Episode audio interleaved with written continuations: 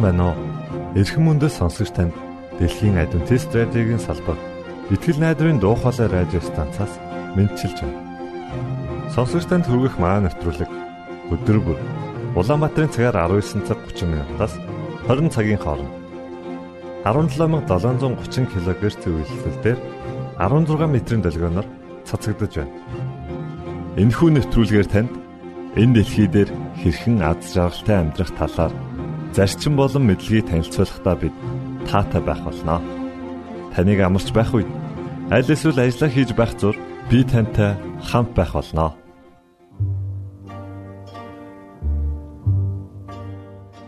Өнөөдрийн нэвтрүүлгээр танд итгээд даг хэмэх сайхан дуу хүргэж байна. Үүний дараа та өөрийгөө байлдан дагуулагч болгон хөгжүүлэх хэмэх цуврал нэвтрүүлгийг сонсох болно. Та бүхэн таалан сойрхноо.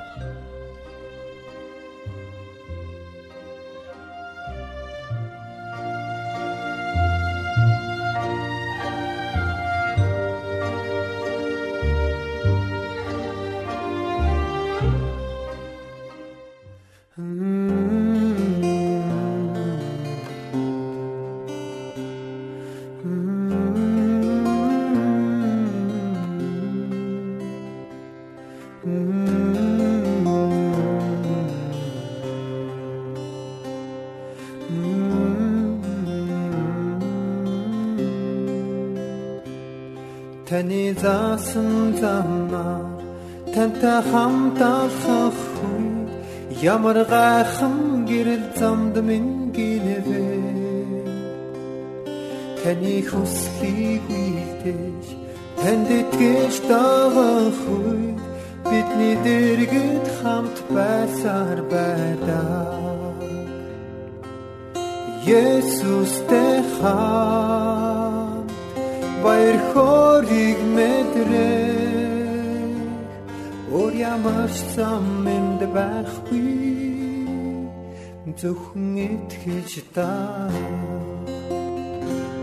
Гэхдээ тэглийн тэр зам сатотгор их байдаг. Халуун хайрыг тань яаж тэд мэдэх вэ? Гэрэлт найдвар дотороо аялаж байгаа хүн бүр таны бэлсэн баяр баясгаланд орно. Есүстэй хамт баяр хориг мэдрээ Өөр ямар зам энд байхгүй зөвхөн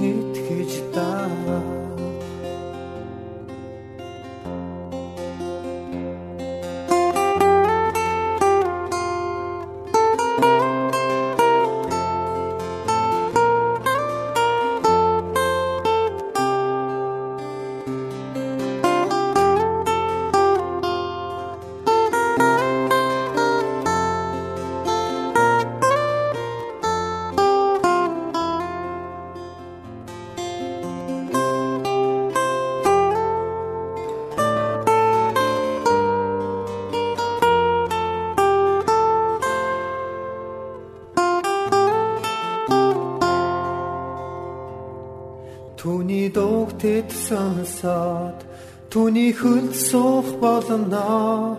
Тэгээд эргдэн алхаж ярилцах болно. Ямар ч айдасгүйгээр таны хүслийг биелүүлж зөвхөн танд итгэж таныг дагна. Есүстэй хаа баяр хориг ямар зам энд байхгүй. Есүстэй хаа баяр хориг мэдрээ Өөр ямар зам энд байхгүй. Зөвхөн итгэж та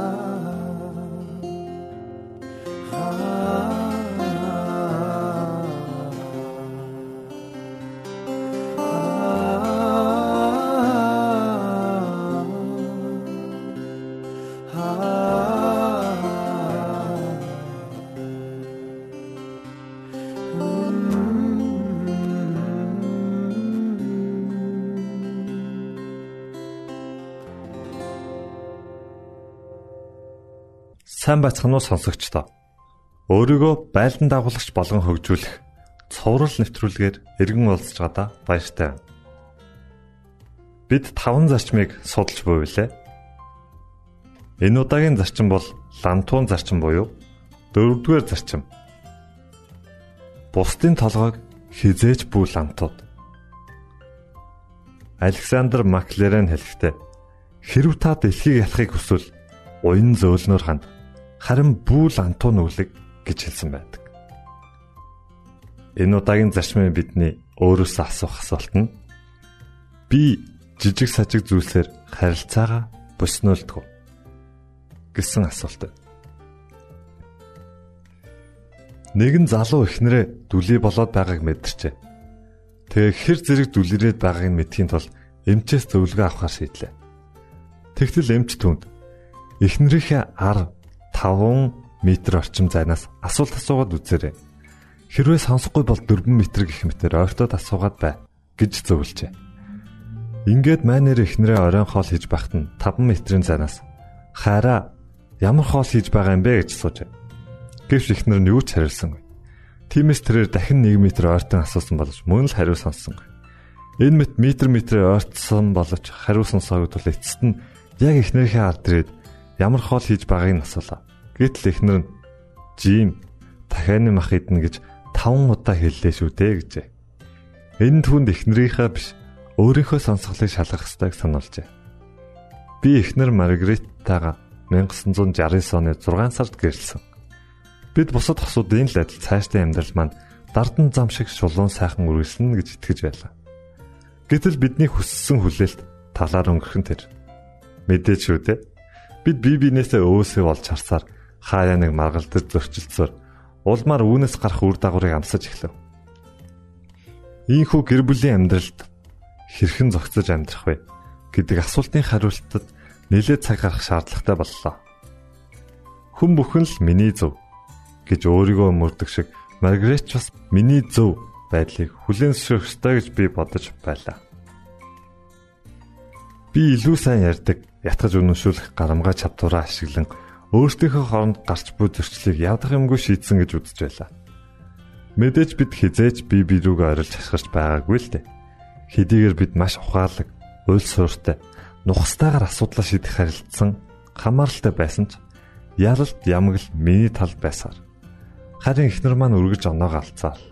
Ийхүү бид гэрэлтийнхээ эхний 2 жилийн дотор маш олон зүйл хийсэн ч нэгэн ч амжилттай сайхан байгаагүй.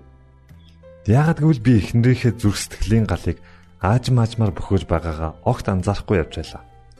Цаашлах тусам тунж гомдлох нь ихсээр хоёр биенийхээ дунд үйл ойлголтын хан босгон тоосгон нэмсээр байгаагаа ч мэдсэнгүй. Эцсийн мөчөд гэр бүлд минь ямар их аюул нөөрлжсэн байгаагч би анзаарах сөхөөгүй явсаар байв. Гэтэл нэг өдөр эхнэр минь хажууд ир сууснаа. Урд нь болж өнгөрсөн маргаан зөрчилдөөс болж ямар хэцүү зүйл мэдэрч байгаа талаар учиргүй тайлбарж гарлаа. Ингэж би анх удаа зөрчилдөөнд ялал байгуулахаас илүүтэйгээр хамгийн хайртай хүнээ хамгийн ихээр шахалуулж байснаа ухаарсан төдийгүй. Түүнтэйгээр харилцаагаа барьж байгуулах нь илүү чухал юм байна гэдгийг ойлгосон билээ. Тэр өдрөөс эхлэн би гэр бүлийнхээ харилцаанд өөрчлөлт хийхээр шийдсэн. Зөв хандлагатай байна гэдэг нь зөв хариулт өгөхөөс илүү чухал гэдгийг ухаарсан минь намайг илүү уян хатан болгож өстой л долоо хэмжээс нэг огтлох гэдэг зарчимд сургасаар байлаа. Ингээ бидний хооронд үл ойлгослын хан нурж харин хайрын гүр баригдаж эхэлсэн юм. Тэр цагаас хойш би хэн нэгэнтэй зөрчилдөх зүйл гарвал эрүүл ухаанаар харж эвэйг хичээн зохицуулдаг болсон. Хэрвээ надад ланту байсан бол хүүхэд эцэг эхийнхээ үгэнд дуулуурыг хандаж залхууран хоригших үед алган бовны амт мэдрүүлснээр дуулууртай идэвхтэй болдог. Энэ хүүхэлдэйн киноны баатар Кельвинтэй адилхан юм. Кельвин залхуу дуулуургүй хүмүүсийг урагш ахиулахын тулд миний амбаартал тэдэнд хэрэгтэй. Тиймээс ийм бизнес хийж байна гэжээ. Үүнтэй адил тухайн хүний онцлог байдлаас шалтгаалж лантуудах хэрэгтэй ч уян зөөлөн хандах хэрэгтэй. Үнэнтэй нүүр тулахад хэцүү байвал дараах дөрвөн зөвлөгөө хэрэглэхэд илүүдэхгүй. Нэгдүгээрт төвчээртэй хандах.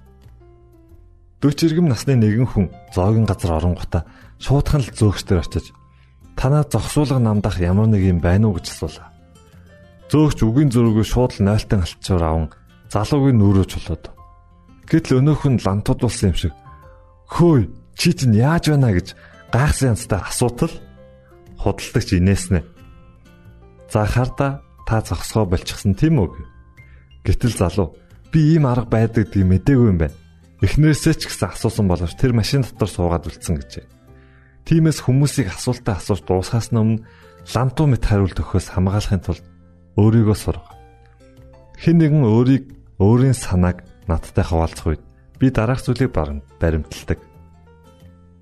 Сонсдог, асуулт асуудаг, бас дахин сонсдог. Дахин асуулт асууна. Бүр их сонсож тэгээд бас л асуудаг. Тэгээд хариулт өгдөг. Би хэдий ч нэ өөрийгөө нөгөө хүний оронд тавих тусам төдий ч нэ төвчээртэй илүү зөв зохистой болдог гэдгээ мэдсэн. Хоёрдугаар зөвлөгөө. Тохирсон хугацаа. Зохиолч Дан Задрагийн бичсэн нэгэн тэмдэглэл. Чи хизээ хийх гэж байгаагаа биш, харин юу хийх гэж байгаагаа тооцоол гэсэн байна. Харин би үүнтэй санал нийлдэв. Хэрвээ генерал хүн зөв цагтаа л дайралтаа хийхгүй бол тулаанд ялагдал хүлээн. Хүн дээр өвчлсөн хүүхдээ эцэг их нь хурдхан шиг эмнэлэгт аваачихгүй бол хүүхэд үхэх ч аюултай. Хэрвээ та хэн нэгнээс уушлах үедээ л гоохгүй бол харилцаа чинь бүр мөсөн дуусах болно. Зохиолч хатагтай Дороти Невл хэлэхдээ ярианы жинхэнэ ур чадвар нь зөв цагт зөв үг хэлхээс гадна хэлмээр байсан буруунд хэллгүүлэлтэй хэлдэг хэмээн маш чухал зүйл анхааруулсан байдаг. Тийм ээ. Зөв цагт хийсэн таны үйлдэл нь хамгийн чухал юм. Мэдсээр байж хийхгүй байна гэдэг нь томоос том асуултын тэмдэг лээ. 3 дугаар зөвлөмж дууны өнгө. Өрх толгоос нэгэн эмэгтэй 3 болон 5 настай хоёр хүүхэдтэй байжээ. Тэрээр хүүхдүүдийнхээ бүдүүлэг яриаг байнга засах гэж оролдог байв. Тэгэж чадах бүх зүйлээ тэдний төлөө хийж бүр сэтгэл зүйчдэр хүртэл аваадсан боловч ямар ч нэмэр болсонгүй. Ингээд эмэгтэй арга тасарч дотроо инхүү боджээ. Ерөөсөө тэдний энэ муу туршлыг засахгүй л бол би хинч биш болох нь. Хүүхдүүд манд үргэлжлүүлэн хараал хэлсээр байх болно. Тэгэхээр ах нарыг минь хараал хэлэх үед ээжийн хэрэглэж байсан аргыг л хэрэглэе дэ гэж шийджээ. Тэгээд маргааш өглөө болоход 5 настай хүүн сэрээд галтаараа галтоогоо руугаа ортол ээж нь Хүү минь өглөөгөнийхөө цайнд юу идэх вэ гэж асуув. Хүү ээж рүүгээ хараад жаахан жимсний чанал гэснээ хараал хэлв. Тэгтэл ээж нь түүнийг алгадаж орхитол хүү үсрээд явчихав. Гэтэл 3 настай дүү өмнө хизээч ээжигээ ийм байгааг хараагүй тул бүр алмаарч орхив. Тэгээд ээж нь түүний нүд рүү хараад "За, чи өглөөнийхөө цайнд юу идэх вэ хэмээн нилээж хэрүүн дуугаар асуудал хүүгийн нүд нь бохон дээрээ гаргашгаж та тоглоогүй болтой гэд хараал хэлснэ. Би дахиж хараал хэлэхгүй гэж хариулжээ. Хэрвээ хэн нэгэн тань руу хашгичж уурлвал хариуд нь ээлдэг намуунаар хандаарай. Хэдийгээр тэр хатуу хүн байлаач зөөлөж тайван болох болно. Бидний үүгээр анаас илүүгээр хүмүүс бидний хандлага, үйл хөдлөлт хариу үйлдэл үзүүлдэг. Мөн их их жижиг сажиг маргаан бидний дуу хоолой өмнөөс шалтгаалan үүсдэг. Нэгэн мэрэгэн сургаалт намун зөөлөн өгс уур хилэн дамжаадаг бол Хүүтэн хөндөй өгс уур хилэн асаадаг гэж хэлсэн байдаг. Та үүнийг туршиж үзэж болно шүү. Дөрөвдүгээр зөвлөмж хандлагын хэм хэмжүүр. Төргөн ортой хүн яг л бөмбөг тесрэгтэй адил байдаг бөгөөд зүү шидвэл зөрүүлээд тэвэн шиднэ гэсэн хандлагатай байдаг. Энэхүү хандлага нь түнд нэлээд бэрхшээлүүдийг авчирдаг төдийгүй тулгарч буй асуудлуудын хэмжээнээс болоод гарах шийдвэр нь хүртэл дээш доош хэлбэлцэж байдаг. Үүнийг дараах байдлаар дүгнэж болно тухайн үйл хөдлөлөөс үүдсэн хариу үйлэл нь сөрөг байвал асуудал хурцддаг. Тухайн үйл хөдлөлөөс үүдсэх хариу үйлдэл нь эерэг байвал асуудал намждаг. Миний хувьд өөрийгөө тэнцвэртэй байлгахын тулд 30 секундэд бүх мэдрэмжээ хуваалц. Тэгээд гүйцээ гэсэн сануулгах журам баримталдаг. Хэрвээ би том асуудал үүсгэхээс өмнө жижиг асуудлаа шийдэхгүй бол бусд руу лантуудахаас өөр аргагүй зурдаг. Эхнэр бид хоёр ямар нэгэн асуудал толгох үед бие биедээ тусалдаг. Хүүхдүүд маань жаахан байх үед би тэдэнтэй зөрчилдөх зүйл цөөнгүй л гардаг байлаа. Тэр үед бидний баримтлаг байсан журам бол бид хоёр гар гараасаа барилцаж зэрэгцэн суугаад хүүхдүүдтэйгээ харилцан ярилцдаг байв. Хэрв бид хоёрын хэн нэг нь уурлал сэмэрхэн гараа атгалцсан бухимдлын хэм хэмжээ нэмэгдэж байгааг сануулж болиулдаг байв. Цаг хугацааны явцад энэ бидний хамгийн шилдэг арга болсон төдийгүй үр дүнгээ өгсөн юм. Гэхдээ энэ арга тухайн асуудал хамгийн сайн хэмжүүр болж чадсан ч өөр асуудал өөр аргыг хэрэглэх үе байсан. Лантуу шидхийн оронд өршөөлийн гараа сунг. Зарим хүнд үргэлж лантуу хэрэглэх нь сайн гэж бодож магадгүй. Тэгээ та бүхэл амьдралынхаа турш ямар нэг юмыг нүдэж амьдрах, амьдрах нь гэж хэлэх байх. Харин энэ хандлага нь нөгөө хүнээс нэлээд өндөр хэрэгжүүлж шаарддаг. Тэр ямар нэгэн зүйлд анхаарлаа хандуулахын тулд яг л хан өрөмдөж байгаа юм шиг төвлөрөх хэрэгтэй болдог. Эргээд энэ нь сайн хандлагыг төлөвшүүлж болно. Гэвч хүмүүсийг үргэлжл балбаж нүднэ гэдэг үнэхээр хэцүү бэрх арга юм. Сэтгэл зүйч Абрахам Маслов таны гарт зөвхөн лантуу байвал бүх асуудал хадаас шиг харагцаар байх болно гэжээ. Тиймээс бусдыг лантуудаас илүү эрүүл харилцаа арга замыг олох хэрэгтэй. Хэрв та хүмүүсийн сэтгэл төрх арга хөгжүүлэхийг хүсвэл дараах зөвлөгөөг өөрийн зүрхэнд оруулаарай. Өнгөрсөн зүйлийг өнгөрсөнд нь үлдээж сурах. Хоёрээр эхнэрүүдийнхээ талаар нилээд гомдлжээ. Нэгдэх нь бид хоёр хэрэлдэхэд эхнэр маань уйлаг болсон түүх ярьдаг гэж л дээ. Гэтэл нөгөө найз нь үлгэр ярьдаг гэсэн үү гэж асуудал. Үгүй дээ бүр уйларч баларсан түүх гэж хэлээд тэр миний хийсэн буруу зүйлийг үргэлж надад сануулдаг гэж хариулж. Тиймээс асуудлыг тэр дорн шийдэн тухайн цаг үед нь үлдээ. Дахин дахин сөхөж өнгөрсөн цаг үеийн алдааг өнөөдөр сэргээх хэрэггүй. Хэрв та асуудлаас өгсөөр байвал хүмүүс рүү лантуу барин даарч бусдыг хадаас болгож байна гэсэн үг шүү. Миний хариу үйлдэл асуудлын нэг хэсэг. Бусдад өгөх хариу үйлдэлээ Энэ надад яаж хандна? Би түүнд яг тэгж хандна гэж муугар бүү илэрхийл. Учир нь надад хандах ханд надад хандах бусдын хариу үйлдэл ямар ч байж болох тул тухайн хүнийг буруутган харалгүй харин ямар учиршилтгаан энэ хүнийг ийм хандлагатай болж байгааг олчаар үүнийг бид өвтөлтийн зарчим дээр үтсэн. Удаан хугацааны турш дурддагцаар байдаг үйл явдлуудыг сан. Та дунд сургууль төгссөн гэрчлэгийг эсвэл коллеж төгссөн дипломоо байн байн гарган ирж дээр нь бичсэн бүхнийг дахин татан дооддог. Хэрвээ та гэрэлсэн бол хормын тангарага цээжээр дахин дахин уншдаг. Магадгүй энэ хоёр асуултанд та хоёуланд нь үгүй гэсэн хариулт өгнө. Гэвч таны хувьд хорим хийж байсан үе болон сургууль төгсөж байсан цаг мөчөө дурсдаг гэдэгт би эргэлзэхгүй байна. Тиймээс та бусдад хэлэх үгнээсээ илүүтэйгээр хүмүүстэй хамт байж удаан хугацааны туршиж санагцаар байх дурсамжийг үлдээ. Үүний тулд чин сэтгэлээсээ үйлдэж амьдр. Нөхцөл байдлыг харилцаанаас дээгүр хизээж бүү тавь. Өөрийнхөө нөхцөл байдлын алдаа дутагдлыг бусдад тохох гэсэн хүмүүсээр дүүрэн ертөнцид бид амьдарч байна. Хэрв би их нартайгаа харилцаагаа барьж байхулахаас уртад өөрийнхөө үзэл бодлыг илүү өндөр тавьсаар байсан бол түүнтэй хизээж гэрлэхгүй байсан гэдэгтээ огтхон ч марахгүй. Харилцаа гэдэг бол бүх зүйлийн суурь гэж би боддог. Тиймээс бусдад харилцах харилцаагаа чухалчлах тусам төдийжнээ олон гарц боломжууд үйл харгаа нээж өгдөг. Тиймээс нөхцөл байдлыг харахаас илүү харилцаагаа барьж байгуулах нь нэн чухал. Болзолгүй хайраар бусдыг хайрл. Нөхцөл болцолгүйгээр бусдыг хайрлах сайн загвар нь өнөөгийн доройтож буй нэгэнд уламжлал бүдгэрч хүмүүс өөр хоорондоо харилцан хамааралгүй болсоор байна. Нисгэгч Джон Вайт бусдад хандах хандлагынхаа талаар өөрийн хүсэл зоригийг илэрхийлэхдээ бид хайр тараагчд учир нь хүн бусдыг хайрлах үед тэдний хизээж үзэн ядч чаддгүй. Ийхүү бид тэднийг хайрлвал альва муу зүйлс бүтлгүүдэл хорсол гомдол нуран ундаг. Тиймээс бусдын гин бурууг зарлаж улыг нь шагааж байхын оронд нөхцөл болцолгүйгээр хайрлал тэдэнд илүү нөлөөлж чадна хэмээжээ. Буруу зүйлийг хүлээн зөвшөөрч уучлахгүй. Чикаго дахь нэгэн клубын гишүүн Ол Капони та илдэг сайхан үг тарих тусам илдэг сайхан үг хураан авах болно гэж хэлжээ. Юутай ч танд хэлэх маш чухал үг бол уучлалт гэдэг хамгийн сайхан зүйл гэж хэлж байхдаа би өөрөө ч гэсэн баяртай. Та бусд руу элбэрэлт гараа сунгахын оронд лантуу нүлгэж байна гэдгээ ухаарах мөчөд бурууга хүлээн зөвшөөрч уучлалгүйх нь хамгийн сайн арга болдог. Энэ таныг үе олон гэмнүглээс далж өгдөг. Та яг энэ бүлгийг уншиж байтал найз чинь эсвэл тантай хамт ажилладаг хэн нэгэн санаач нь орж иж болох юм.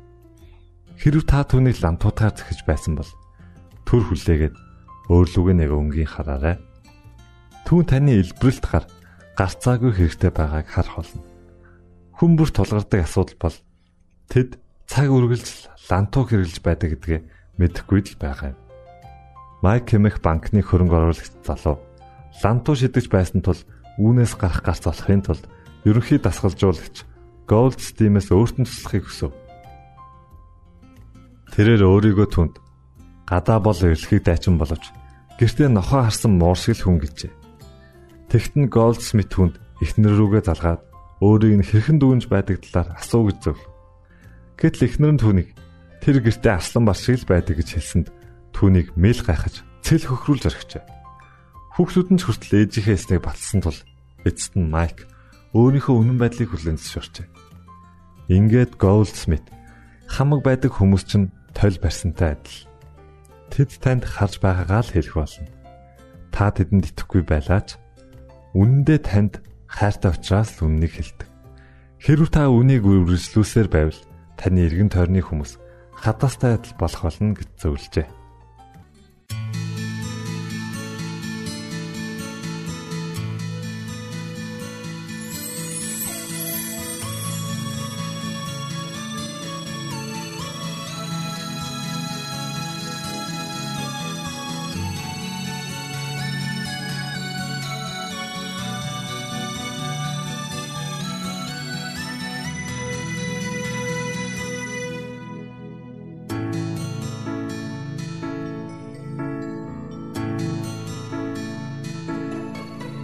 Төгс бүгд тэр хэрнээ даруухан аврагч эзээ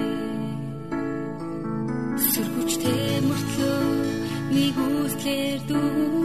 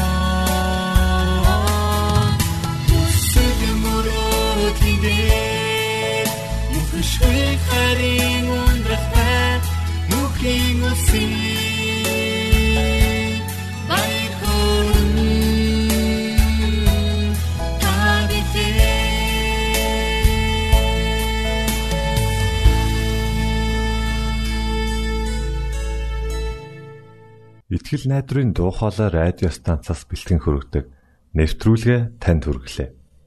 Хэрв та энэ өдрийн нэвтрүүлгийг сонсож амжаагүй аль эсвэл дахин сонсохыг хүсвэл бидэнтэй дараах хаягаар холбогдорой.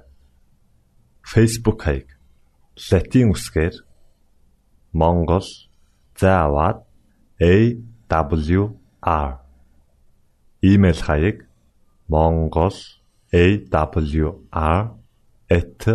mongol@gmail.com Манай утасны дугаар 976 7018 24 9 Шуудангийн хаяг 16 Улаанбаатар 13 Монгол улс. Биднийг сонгон цаг зав аваад зориулсан танд баярлалаа. Бурхан таныг ивээх батугай